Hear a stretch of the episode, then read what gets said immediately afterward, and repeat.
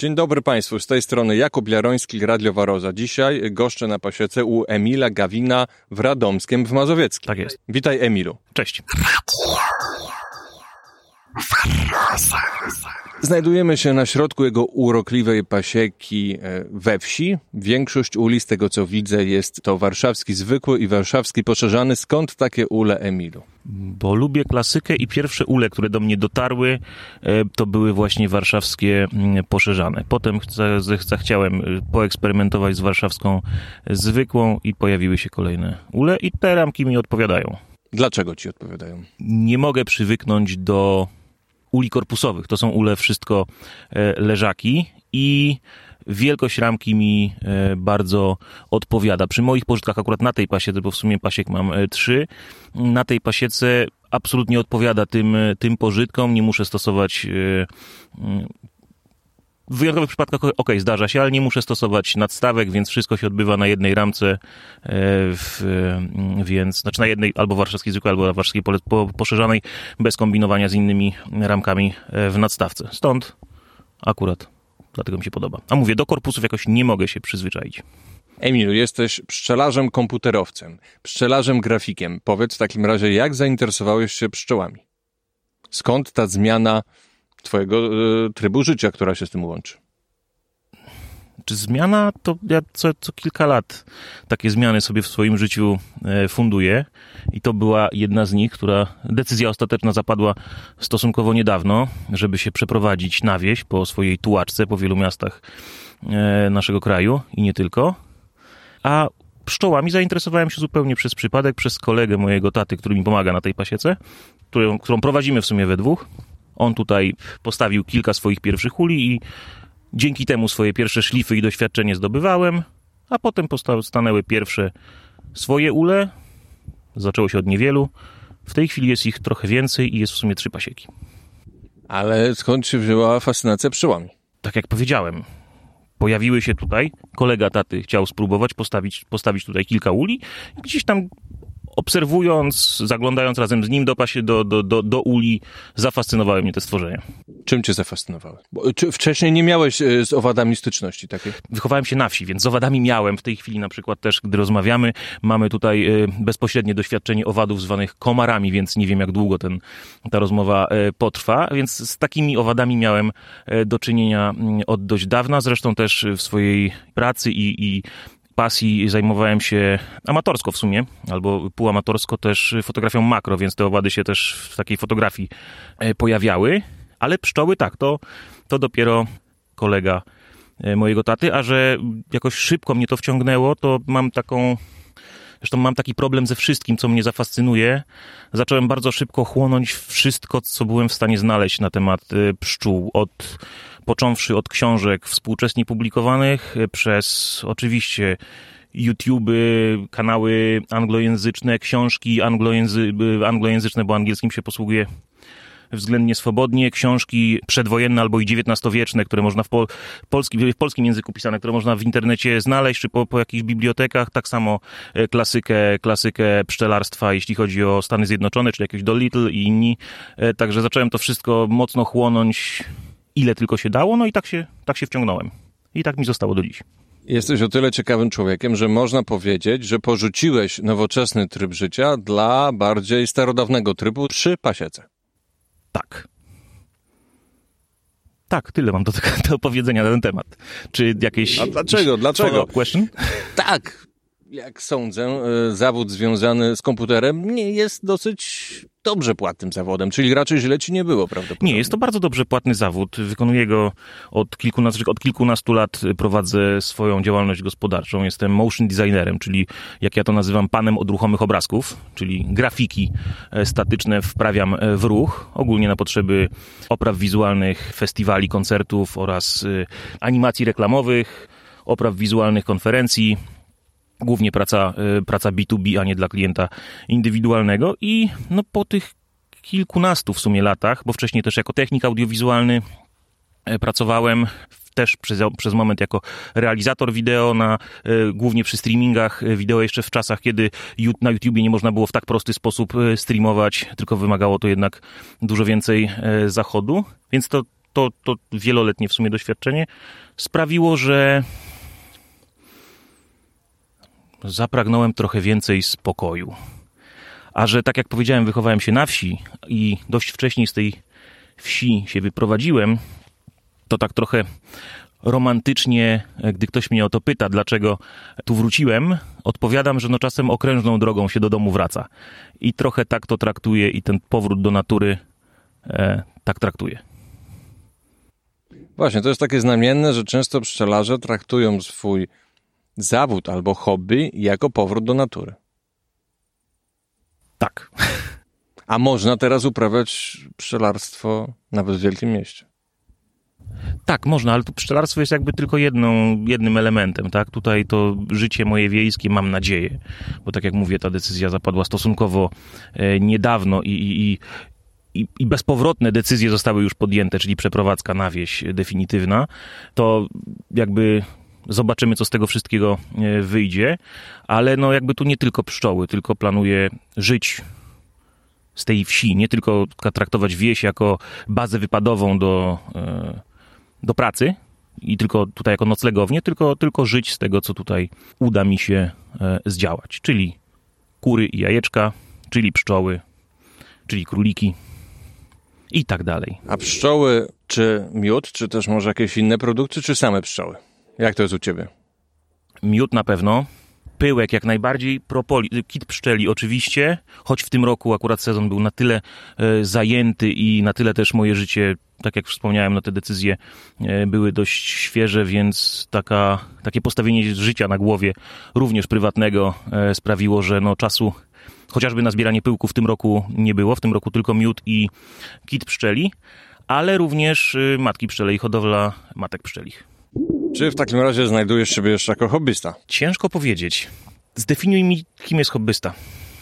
Słyszeliśmy to nawet dzisiaj na wykładzie, prawda? Bo razem robiliśmy reportaż w Bałtowie. No, hobbysta to jest ten, który, który robi coś w czasie wolnym po pracy i niewykluczone, że będzie dokładał do tego, bo to jest dla niego przyjemność.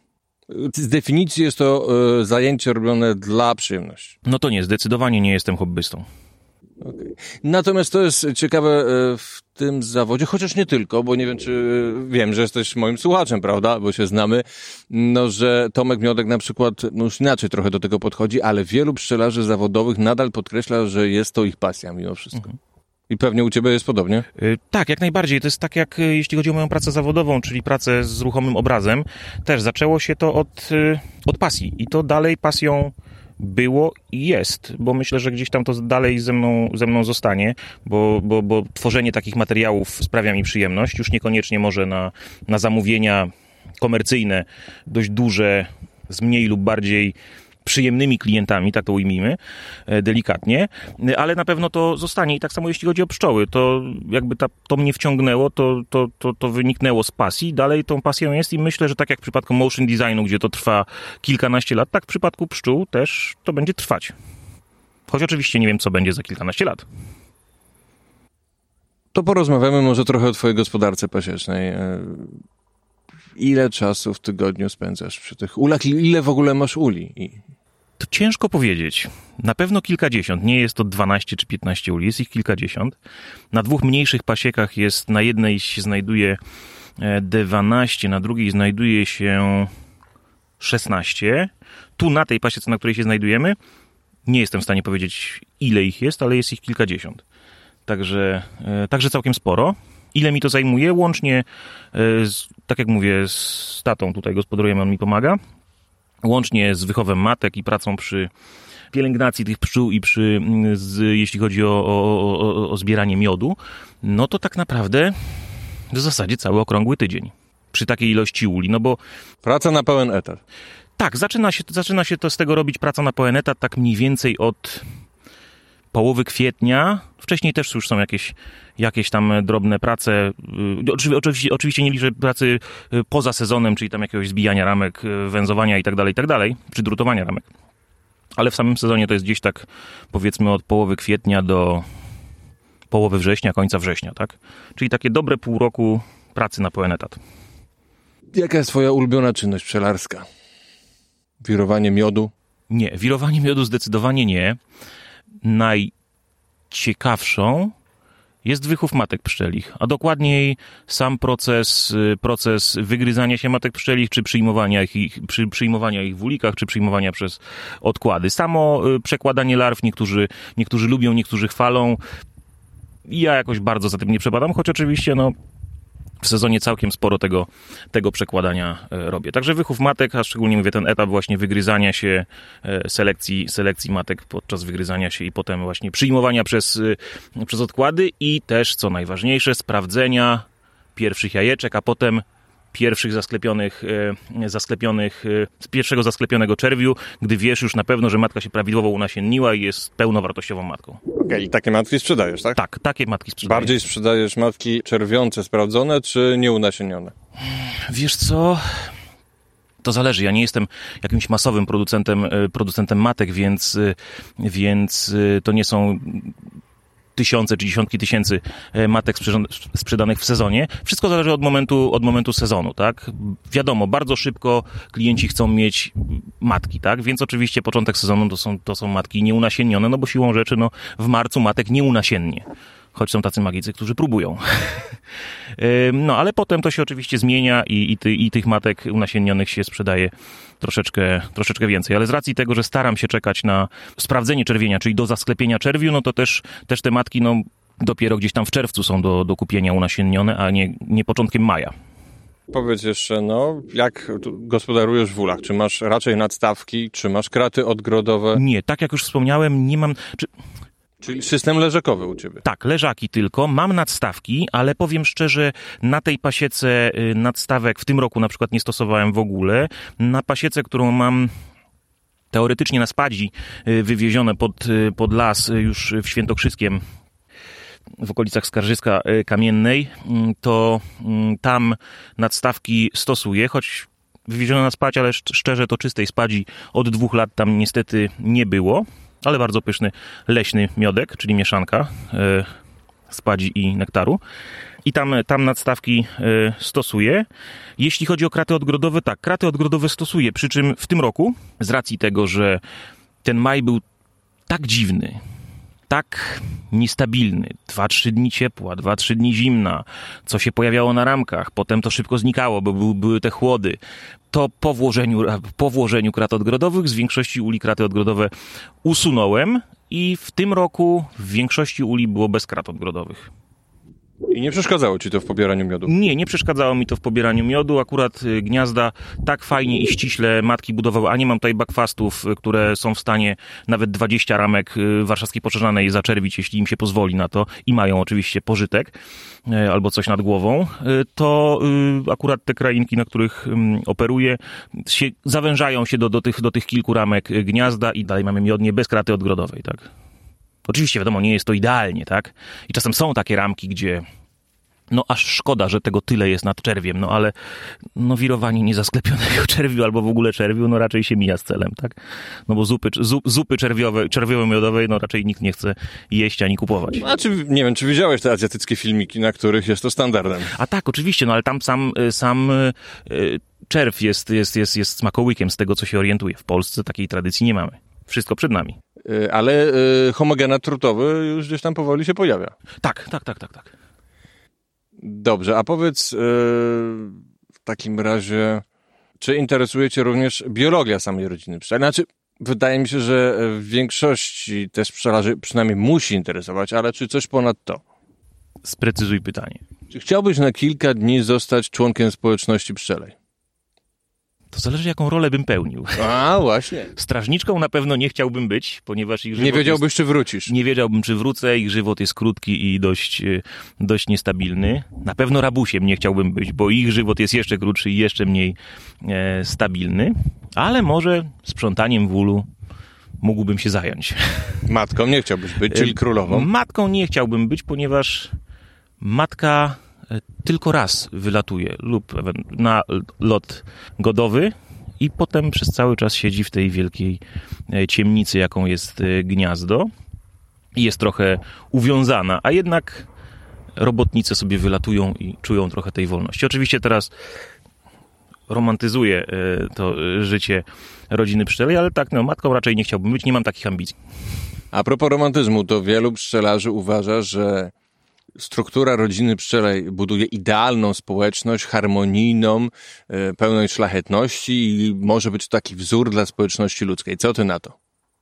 Mam mówić szczerze, czy Oczywiście, mam mówić, u mnie co w mówi mitologia? U mnie w podcaście tylko, szczerze. Krótko nie.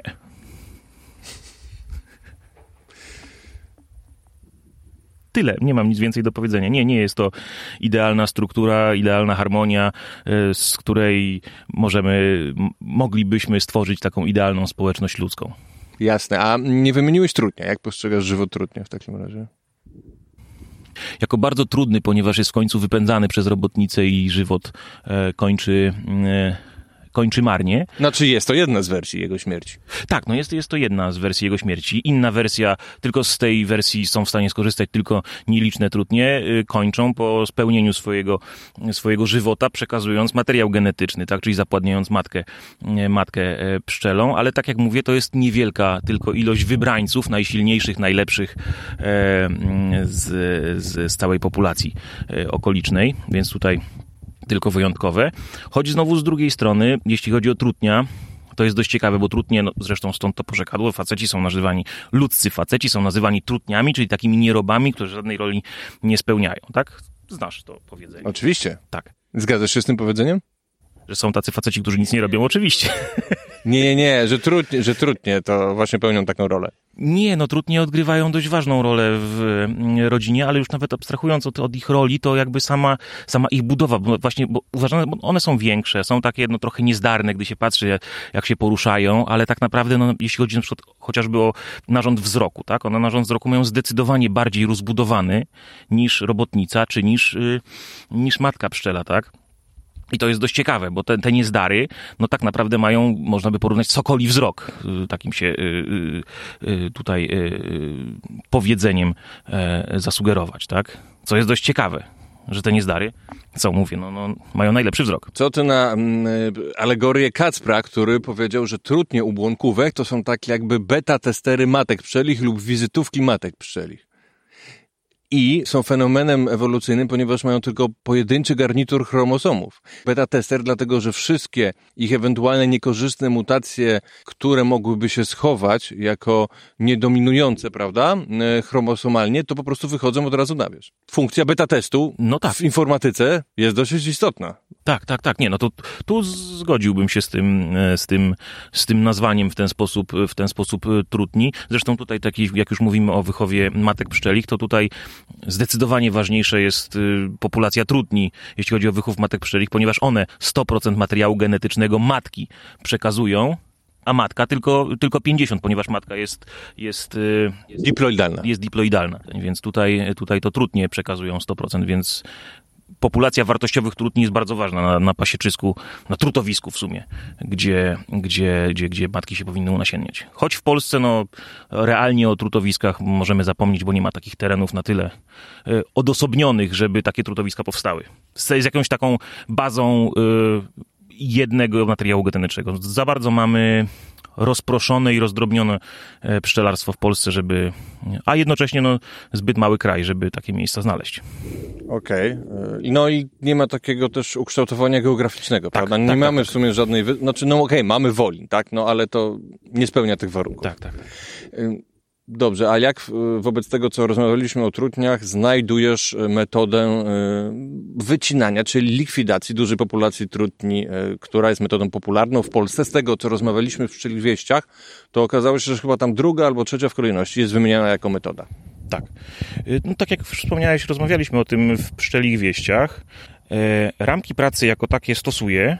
Jeszcze kilka lat temu wycinałem, w zasadzie regularnie, po zasklepieniu wycinałem. Zresztą wtedy, jak patrz, sprawdzałem, no to naprawdę tego, tej warozy było sporo w tych trutniach. Ale nie sprawdzałeś robotnicy, więc... Może po prostu miałem zawarozowane ostro rodziny. Tutaj tego, te, tu, nie, tu nie przeczę, bo takich ilości na pewno nie wycinałem, żeby to sprawdzić. Na, na pojedynczych komórkach sprawdzałem, ale to jest niemiarodajne w, w sytuacji, w której wycinam cały plaster ramki pracy. W tym roku nie wycinałem, ale ramki, ale ramki pracy jako takie w ulu były, z tego, z tego względu, żeby pszczoły mogły sobie swobodnie e, trutnia pociągnąć, nie, nie niszcząc jakby węzy, nie niszcząc struktury plastra, e, plastra e, robotnic. E, druga sprawa, no jakby patrząc na e, funkcja ramki pracy, jest funkcją informacyjną w ulu tak naprawdę, tak? Bo to jak się ramka pracy rozwija, jak jest budowana, jak pszczoły na niej pracują, e, daje ci informację, w jakim stanie ta rodzina jest, tak? Czy nie, czy jest rodziną, która będzie się roić, czy, czy na przykład jak dajesz ramkę pracy, gdzie dajesz bez węzy, widzisz, że ramkę pracy budują, odbudowują zwykłym, mm, zwykłą komórką, no to jest znak, że po prostu do zbyt słabej rodziny dałeś ramkę pracy, tak? No nie jest jeszcze gotowa na budowę, na budowę trutnia, tak?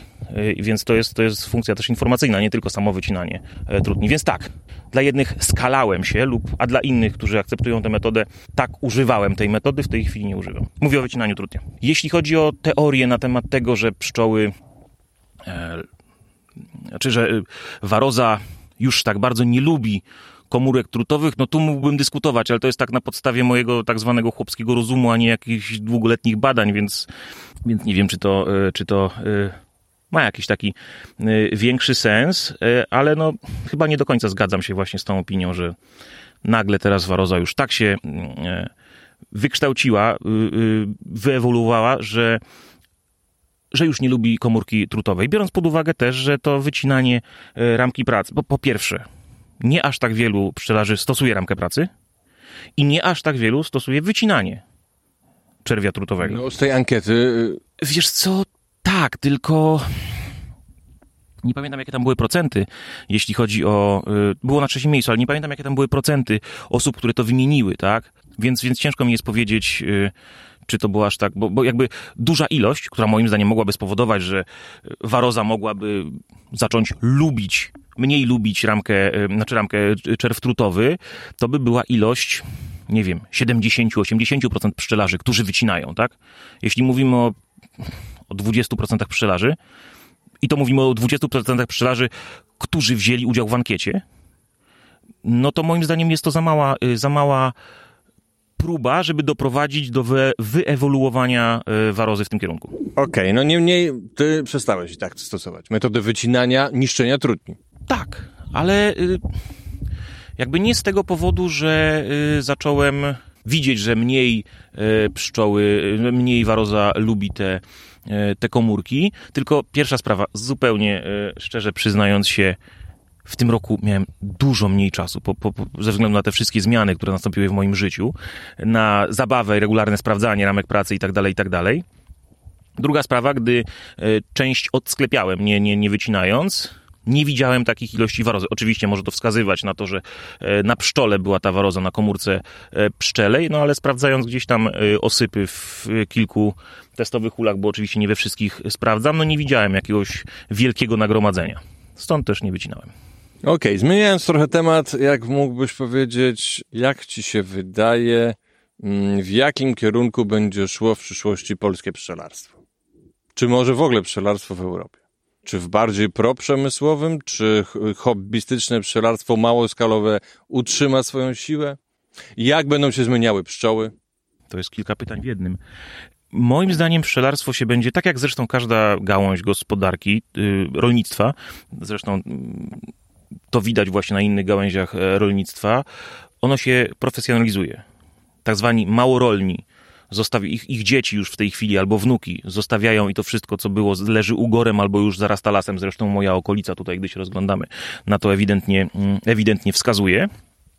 E, jeszcze e, kilkanaście lat temu byłem w stanie zobaczyć wieżę kościoła, która jest w prostej linii jakieś 4 km stąd. W tej chwili nie widzę sąsiada, który jest 50 metrów ode mnie, e, więc, bo już, bo już las tak wysoki rośnie. Więc to też y, na to wskazuje. I tak samo będzie z pszczelarstwem. Ono się będzie coraz bardziej profesjonalizować, będą, będzie, będą się pojawiać większe pasieki, dużo bardziej, y, dużo bardziej no, przemysłowe, nie, nie lubię tego określenia, ale dużo bardziej sprofesjonalizowane i z większą ilością rodzin. Choć no, nie można mm, tutaj Mówię tu o Polsce. Y, Europa, świat, nie wiem jak to, jak to tam następuje, choć no patrząc chociażby na Niemcy, tam jest więcej dużych pasiek, małych pasiek jest naprawdę mało. Więc pszczelarzy jako takich jest mniej, a są większe pasieki, z tego co się orientuję. Ale znowu z drugiej strony w Polsce też, mimo tego, że myślę, że będzie następowała ta profesjonalizacja i, i, i raczej większa ilość większych pasiek, to nie można e, nie zauważyć tego, że pszczelarstwo w Polsce jest bardzo modne ostatnio. I tak naprawdę z roku na rok, a czasem mam wrażenie, że z miesiąca na miesiąc coraz popularniejsze. I pojawia się po prostu, jest jakiś totalny wykwit, kolejnych pszczelarzy, którzy zaczynają od dwóch, od trzech, od pięciu uli, często bez żadnej wiedzy, bez żadnego przygotowania, albo bez żadnej, bez żadnej rządzy wiedzy, bo mm, też, y, no sam, tak jak wspomniałem, y, ja wcześniej nie interesowałem się jakoś bardzo pszczołami, tak, ale to, że mogłem przez jakiś czas obserwować tutaj i, i, i trochę pomagać y, temu pszczelarzowi znajomemu, i temu, że jakby to, to mnie szybko wciągnęło i zacząłem po prostu chłonąć tyle wiedzy, ile tylko byłem w stanie, no spowodowało, że jakąś tę wiedzę nabyłem, tak? A w tej chwili też wielu, wielu ludzi, którzy chcą być pszczelarzami, no tak naprawdę myślą o tym w ten sposób, że postawię sobie ul, będę miał pszczoły, tak? I, I takich jest bardzo wielu, więc z jednej strony myślę, że to będzie się profesjonalizować i będą większe pasieki, a z drugiej strony w tej chwili jest bardzo dużo, coraz więcej małych pasiek, choć niestety obawiam się, że te małe pasieki to są pasieki, które przetrwają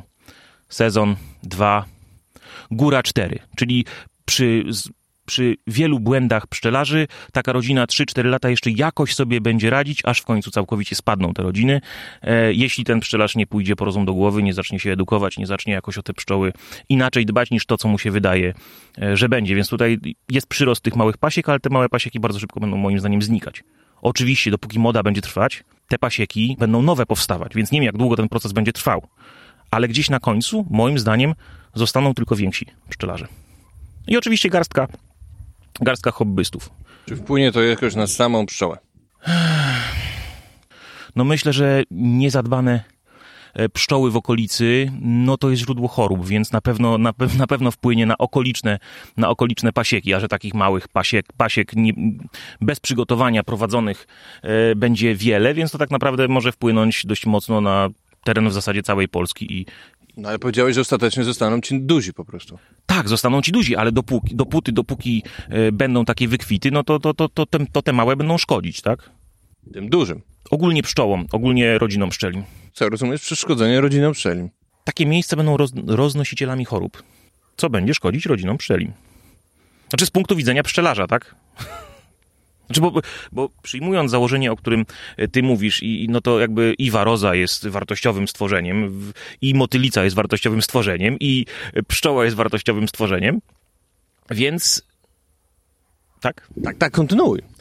E, więc e, wychodząc z tego założenia, no to no to tak, to to w sumie silniejszy sobie poradzi, tak? I, I jakoś to będzie, ale z punktu widzenia pszczelarza, no to y, źródło chorobowe będzie wpływać na jego pszczoły, co będzie wpływało na niego, na jego chociażby rachunek ekonomiczny, albo ogólnie jeśli nie robi to hobbystycznie i dokłada nawet do, do tego interesu, no to będzie patrzył, jak te pszczoły mu chorują i będzie musiał jeszcze intensywniej walczyć, żeby tego nie było. Jasne, jasne i zgadzam się chodziło mi nie o wartość innych stworzeń, e, jakąś taką, jaką mi przypisujemy, tylko mm, e, samej pszczole, prawda? Bo co innego jest szkodzić moim, chyba konkretnie jakimś rodzinom, a co innego na przykład szkodzić ogólnie pszczole, prawda? I wtedy chciałem dopytać, czy to masz na myśli jakiś gatunek, czy jakąś populację polską, no bo wydaje mi się, że na przykład, jeżeli jest jakieś ognisko i tam pszczoły sobie radzą, no ale innym, załóżmy tym przemysłowym szkodzą, no to ciężko powiedzieć, że szkodzą całemu gatunkowi. Nie wiem, czy byś ze mną zgodził. No tak, zgodziłbym się. Coś krótko odpowiadasz. Jakoś... Tak, bo ja małomówny jestem tak ogólnie. Tak, i dlatego ze mną prowadzisz podcast, tak? Który, który trwa na przykład 3,5 godziny jeden odcinek, tak? tak. Dokładnie tak no, i tego się będę trzymał. Dobrze, w takim razie mm, powiedz Emilu, czy znajdujesz pszczołę miodem jako gatunek bardziej jako organizm e, raczej udomowiony, czy raczej dziki? Słucham twoich podcastów, więc teraz nie wiem, do której grupy się zapisać, bo wszystkim zadajesz to, e, zadajesz to pytanie. Powiedz prosto z serca, prosto z swojego serca.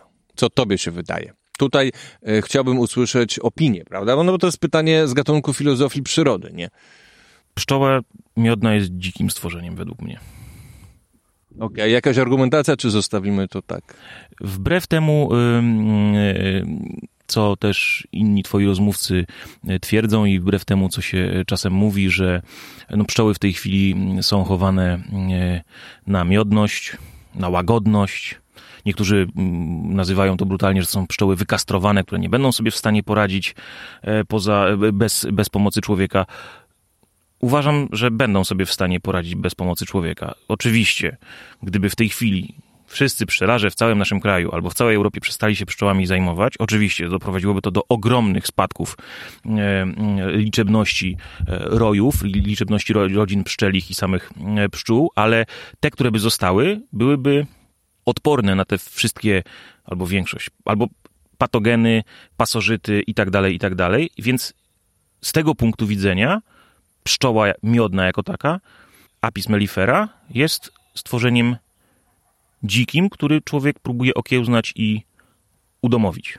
Próbuję. No właśnie, a dlatego też to pytanie zadałem, bo mówiłeś o tym, że no w przyszłości raczej będzie się profesjonalizowało to pszczelarstwo, iż i raczej będą duzi, prawda? No więc być może jakiś proces domestykacji będzie mógł być kontynuowany. Raz z, y, z presji rolnictwa, a dwa z presji samych badań z ciekawości, wykonywanych choćby przez etologów, takich jak Kacper, y, czy bioinżynierów, prawda? No, między innymi celem Kacpera, prawda, jest y, próbować eksperymentów z udomawianiem owadów. I jak myślisz, czy to ten kierunek też będzie mógł być kontynuowany?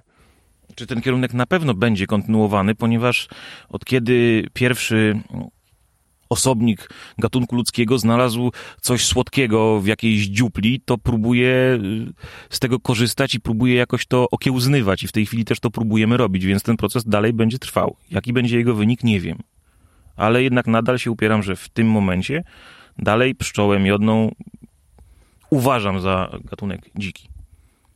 Wybiegając jeszcze w przyszłość, czy wierzysz, że pszczoła miodna będzie mogła z człowiekiem zostać przetransponowana i osiedlić się mm, w kolonii na Marsie lub może po drodze jeszcze na Księżycu? Czy w ogóle człowiek, myślisz, że y, człowiek jest w stanie tego dokonać? Dlaczego pytam? Dlatego, że na krakowskim uniwersytecie jest doktorantka, która w Instytucie Fizyki prowadzi badania w tym kierunku, znaczy bada pszczoły, jak będą sobie radziły na przykład w próżni i tak dalej. Celem jest badanie, czy zdadzą radę przetrwać podróż na Marsa.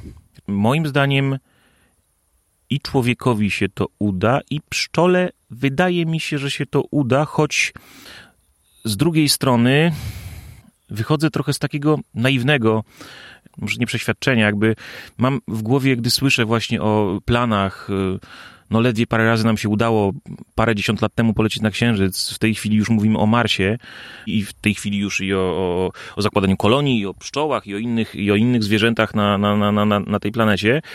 Wtedy takie mam jakby taką myśl w głowie, że zróbmy porządek w tym miejscu, w którym jesteśmy a potem myślmy o podróżach na Marsa.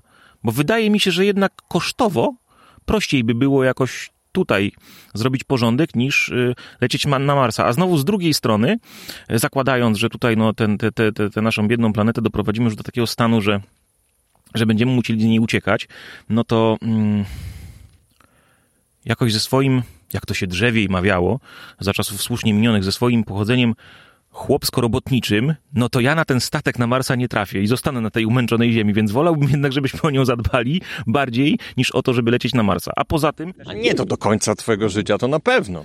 No to dobrze, moje, moje dzieci i wnuki też raczej wątpię, że będą w stanie polecieć na tego e, Marsa. A poza tym, jeśli już będą musiały polecieć, no to już będzie to tak tak zła sytuacja tutaj, że wolałbym, żeby do tego, żeby do tego nie doszło. Druga też sprawa, tak jak dzisiaj Ale rozmawialiśmy poruszyłeś podczas... wątek ekonomiczny. Tak. Przepraszam, że ci przerwę. Szczerze mówiąc, uważam, że jest to teza do dyskusji. To znaczy, moim zdaniem celem, powodem, dla którego człowiek próbuje to robić, nie jest cel ekonomiczny, tylko po prostu główna, zwykła ciekawość świata. Weź na przykład Elona Muska. On to po prostu robi z dziecięcej ciekawości. Zastanawiam się, czy ta presja człowieka, którą ma właściwie każdy organizm, do chęci eksploracji, zdobywania jak największej po prostu przestrzeni, czy to nie jest głównym powodem, a my to tak sobie racjonalizujemy, że to może ekonomia, przeliczamy, ale czy nie jest to później po prostu jakby taka przez polityków przedstawiona ta wizja? Czy docelowo nie wychodzi to po prostu z serducha i tak naprawdę jest to mniej lub bardziej uświadomione? To ja tu jestem cynikiem chyba bardziej niż ty w tym przypadku.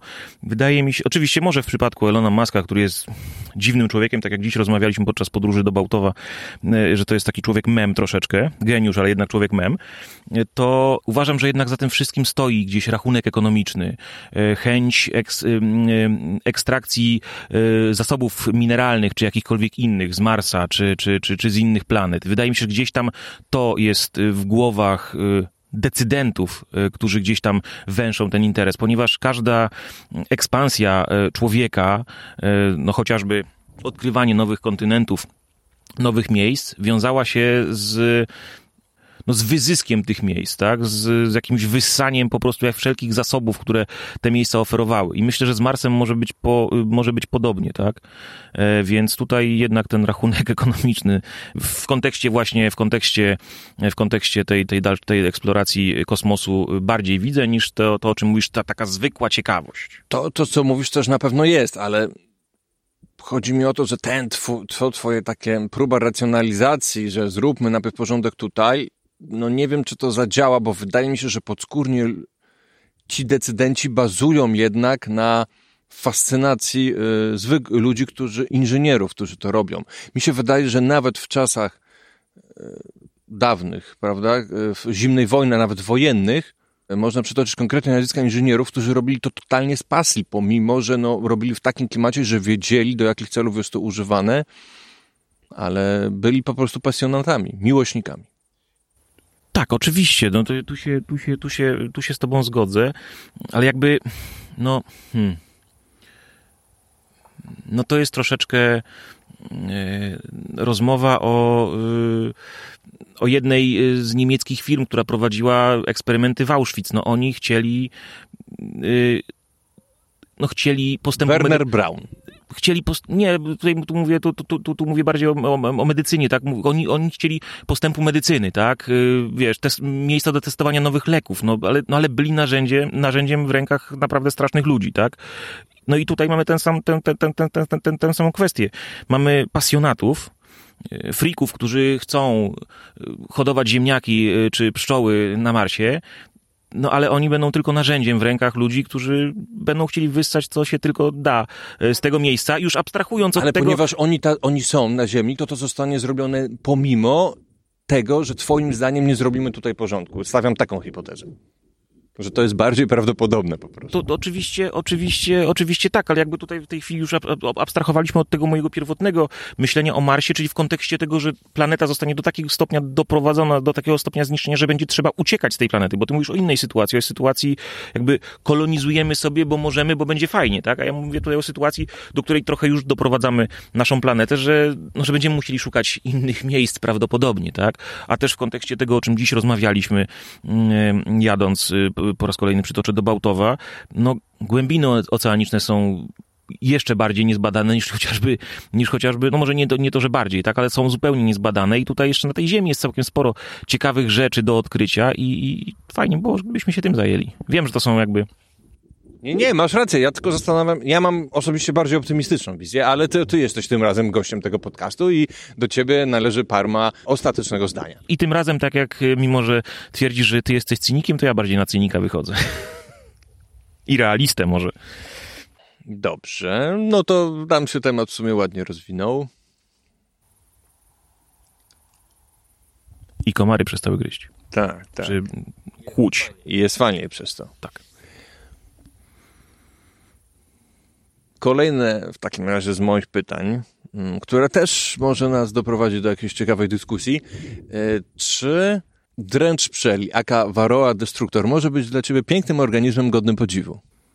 Oczywiście, że tak jest tak prostym organizmem, a jednocześnie tak trudnym do zwalczenia, że przez 40 kilka lat w Polsce nie jesteśmy sobie w stanie z nim poradzić. Pomimo zaawansowanej technologii. Pomimo zaawansowanej technologii. Tutaj problemem myślę, że jest y, to właśnie, choć no, nie tylko w Polsce, ale i na świecie nie potrafią sobie z nim e, poradzić, ale gdybyśmy tylko jakby ograniczyli się do Polski e, i, i pomyśleli o Polsce jako samotnej wyspie, no to tutaj myślę, że sporym problemem jest właśnie to rozdrobnienie pszczelarstwa w Polsce i, i ta niekonsekwencja pszczelarzy w leczeniu pszczół, tak? E, I, i, to, to jest przede wszystkim przede wszystkim problemem. Ale tak, jest to fascynujące stworzenie, bo, bo nie, mimo tego, że jest prostym stworzeniem, to, to się nie daje tym naszym nieudolnym próbom zwalczenia go, a wręcz przeciwnie jest go coraz więcej.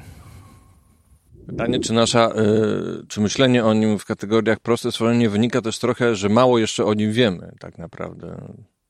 Znaczy, no, jego budowa jest prosta. No dość prosta, ale nie wiem, czy zależy wszystko od punktu widzenia i od skali, bo na przykład budowa pierwotniaka, jedna komórka, jeszcze prostsza, ale jak weźmiesz pod lupę te wszystkie organelle, te, które, które są mm, i, będziesz, i sztuczna inteligencja będzie śledziła, czy w ogóle kamera, prawda, przez mikroskop ich cykle dobowe, to okazuje się, że tam jest prowadzą zaawansowane życie. I w tym kontekście troszeczkę myślę, że my być może od ręczu przynajmniej jeszcze, pomimo, że dużo o nim wiemy, dużo więcej niż o innych roztocach, przez tak jak w wielu innych wypadkach, dlatego, że chcemy go y, skutecznie tępić, prawda? Choć on tak się nie daje.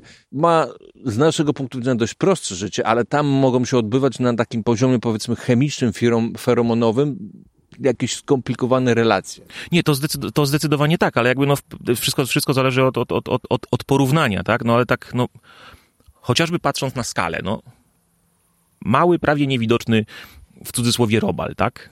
Yy, więc w domyśle proste urządzenie, tak? Dużo prostsze niż pszczoła i każdy inny większy organizm, tak? A mimo tego nie jesteśmy sobie w stanie poradzić. Tak jest. To nic, Emilu. Czy masz coś jeszcze do dodania może w moim podcaście? Możesz powiedzieć, co chcesz. Panie w ogóle księżyc wyszedł, chyba jest jakaś okolica pełni. Myślę, że chwila przed. Jeden dzień może, ale tak, bardzo blisko pełni. Księżyc wyszedł. Może, po, może ci ułatwię. Powiedz może, czy polecasz innym na przykład e, to zajęcie, jakim jest pszczelarstwo, czy raczej byś to odradzał? Z jednej strony mogę polecić, bo ja się w tym odnalazłem albo odnajduję. E, z drugiej strony, patrząc na to, jak modne pszczelarstwo się w tej chwili stało i jak wiele osób ze zwykłego chcieństwa, a nie z pasji ma pszczoły, no to bym y, odradzał. Także polecam, ale tylko bardzo niektórym. Polecam osobom, które lubią się ciągle douczać, edukować, które y, nie chcą mieć pszczół dla samego ich mienia, e, jeśli mogę tak y, tak powiedzieć. E, bo y, jednak dbanie o pszczoły e, i dbanie o pasiekę i o to swoje hobby nie jest wbrew pozorom takie proste, że mamy sobie kilka uli i pszczoły e, po prostu pod koniec sezonu nam w słoikach przynoszą gotowy miód. Jest to trochę bardziej skomplikowane, wymagające trochę większej ilości mm, prac, nakładów czasu, pracy, no i jednak jakiejś, jednak jakiejś wiedzy. A czy pszczół w Polsce miodnych nam brakuje, twoim zdaniem, czy nie? Oczywiście, że nie. Populacja pszczoły miodnej rośnie e, z roku na rok e, i nawet w czasach w tej chwili trochę mniej się już o tym mówi. No w tej chwili się mówi o, o wypieraniu przez pszczołę miodną dzikich zapylaczy, ale e, nawet w latach, w których mówiło się i było modne mówienie o masowym wymieraniu pszczół również w Polsce, co było taką kalką głównie ze Stanów Zjednoczonych. I w statystyce nie miało odzwierciedlenia. I właśnie o tym chcę powiedzieć. I nawet wtedy, gdy to było modne i było ciągle powtarzane, co właśnie wywołało ten modę na posiadanie, e, posiadanie pszczoły e, miodnej. Nawet wtedy nie było spadków e, rodziny, ilości, ilości pszczoły miodnej w Polsce, tylko były to ciągłe, raz mniejsze, raz większe wzrosty. Więc nie, w Polsce nie brakuje ilości, nie brakuje pszczoły miodnej, choć też z drugiej strony, mimo że zdarzają się miejsca przepszczelone, też nie uważam, że można Polskę, tak jak niektórzy mówią, w Polsce jest przepszczelenie. Są tereny, gdzie takie przepszczelenie występuje, ale jest jeszcze sporo terenów, gdzie tego przepszczelenia nie ma i lepiej, żeby do niego nie dochodziło. To nie jest tak, że jakby tutaj promuje to, żeby tych pszczół jeszcze nie wiadomo ile nastawiać w każdym miejscu, ale to też jest taki troszeczkę kolejny mit, że w Polsce mamy przepszczelenie. Są tereny, gdzie jest, jest przepszczelenie, a są tereny, gdzie tego przepszczelenia nie ma.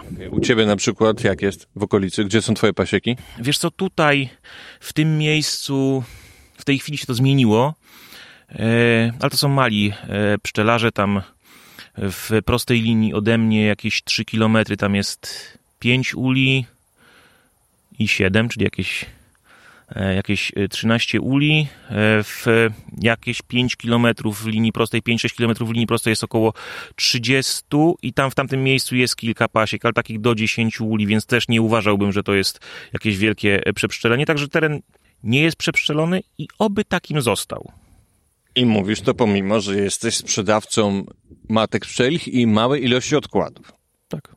Bo mógłbyś powiedzieć, wiesz, no im więcej, tym lepiej dla twojej kieszeni. Ale no. nie, no oczywiście mógłbym w tej chwili, mm, w tej chwili no, zacząć mocno to promować, mocno reklamować, ale jakby tutaj nie chcę w tej chwili robić z siebie jakiegoś kogoś szlachetnego, który tutaj dla idei i tak dalej, i tak dalej, ale jakby, no, no takie są realia, tak? Yy, Pszczoły nie są dla każdego, nie każdy je powinien yy, posiadać, zresztą sam yy, dobrze wiesz, że spotykasz na swojej drodze ludzi, którzy kupują pszczoły, a no a nie wiedzą absolutnie nic i z dużym pra- prawdopodobieństwem je, je, je, je stracą. A miałeś takie chyba przypadki, tak? Że po prostu twoje pszczoły y, no, zostały szybko stracone i miałeś o, informacje. Tak, no to, to? A, i to...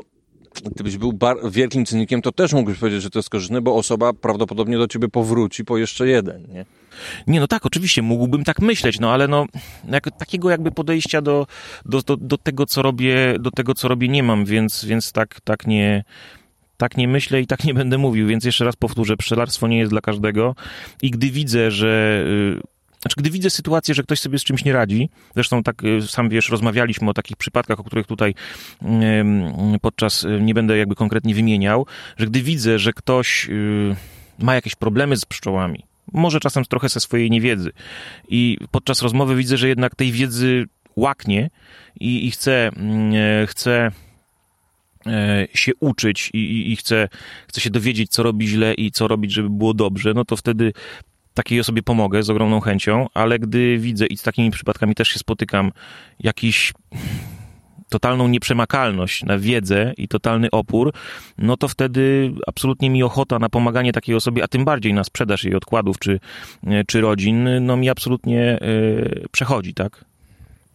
To to już tak, zakończając, Emilu, patrząc na księżyc, na twojej pasiece, bardzo ładny widok, powiedz, czy czytałeś, e, czy oglądałeś kiedyś może e, bajkę o dwóch takich, co ukradli księżyc? Tak, znam i tych dwóch nawet znam z widzenia. I co sądzisz? Bardzo ładna bajka. Okej. Okay. Powiedz, e, gdzie można ewentualnie nabyć u ciebie matki pszczele, kupić gdzie stacjonujesz? Masz jakąś stronę internetową? Na pewno nie na Księżycu. Jeszcze mi nikt mi go nie ukradł. Tak, strona internetowa to pasiekaprowincjonalna.pl bez żadnych myślników, rozłączników i innych takich. Na stronie znajduje się numer telefonu oraz adres e-mail. Zresztą mail jest bardzo prosty infomałpa pasiekaprowincjonalna.pl. Pasieka główna znajduje się w miejscowości Wałsnów. Jest to, są to, jest to południowe Mazowsze, kilkanaście kilometrów od granicy z, z województwem świętokrzyskim, pomiędzy miejscowościami Orońsko a Szydłowiec, do których zapraszam, bo to ładne miejsca. I dokładnie tu można mnie znaleźć, można znaleźć pasiekę, można znaleźć moje matki, moje odkłady, mój miód. Dwie kolejne pasieki to okolice okolice miejscowości Wieniawa i okolice miejscowości Skarżysko-Kamienna, ale jakby tutaj ta główna to tak jak już wspomniałem. Do tej głównej trzeba jakby co szukać do ciebie kontaktu, bo tam przede przecież nie wiadomo, czy będziesz. Tak, przede wszystkim szukać do mnie kontaktu telefonicznego. Na większość telefonów odpowiadam i zazwyczaj mam czas na wymian wymianę kilku słów, więc ten sposób kontaktu jest najlepszy i chyba najprostszy w tej chwili, jeśli chodzi o mnie. Dzięki, hej. No dzięki, cześć. Radio Barroza.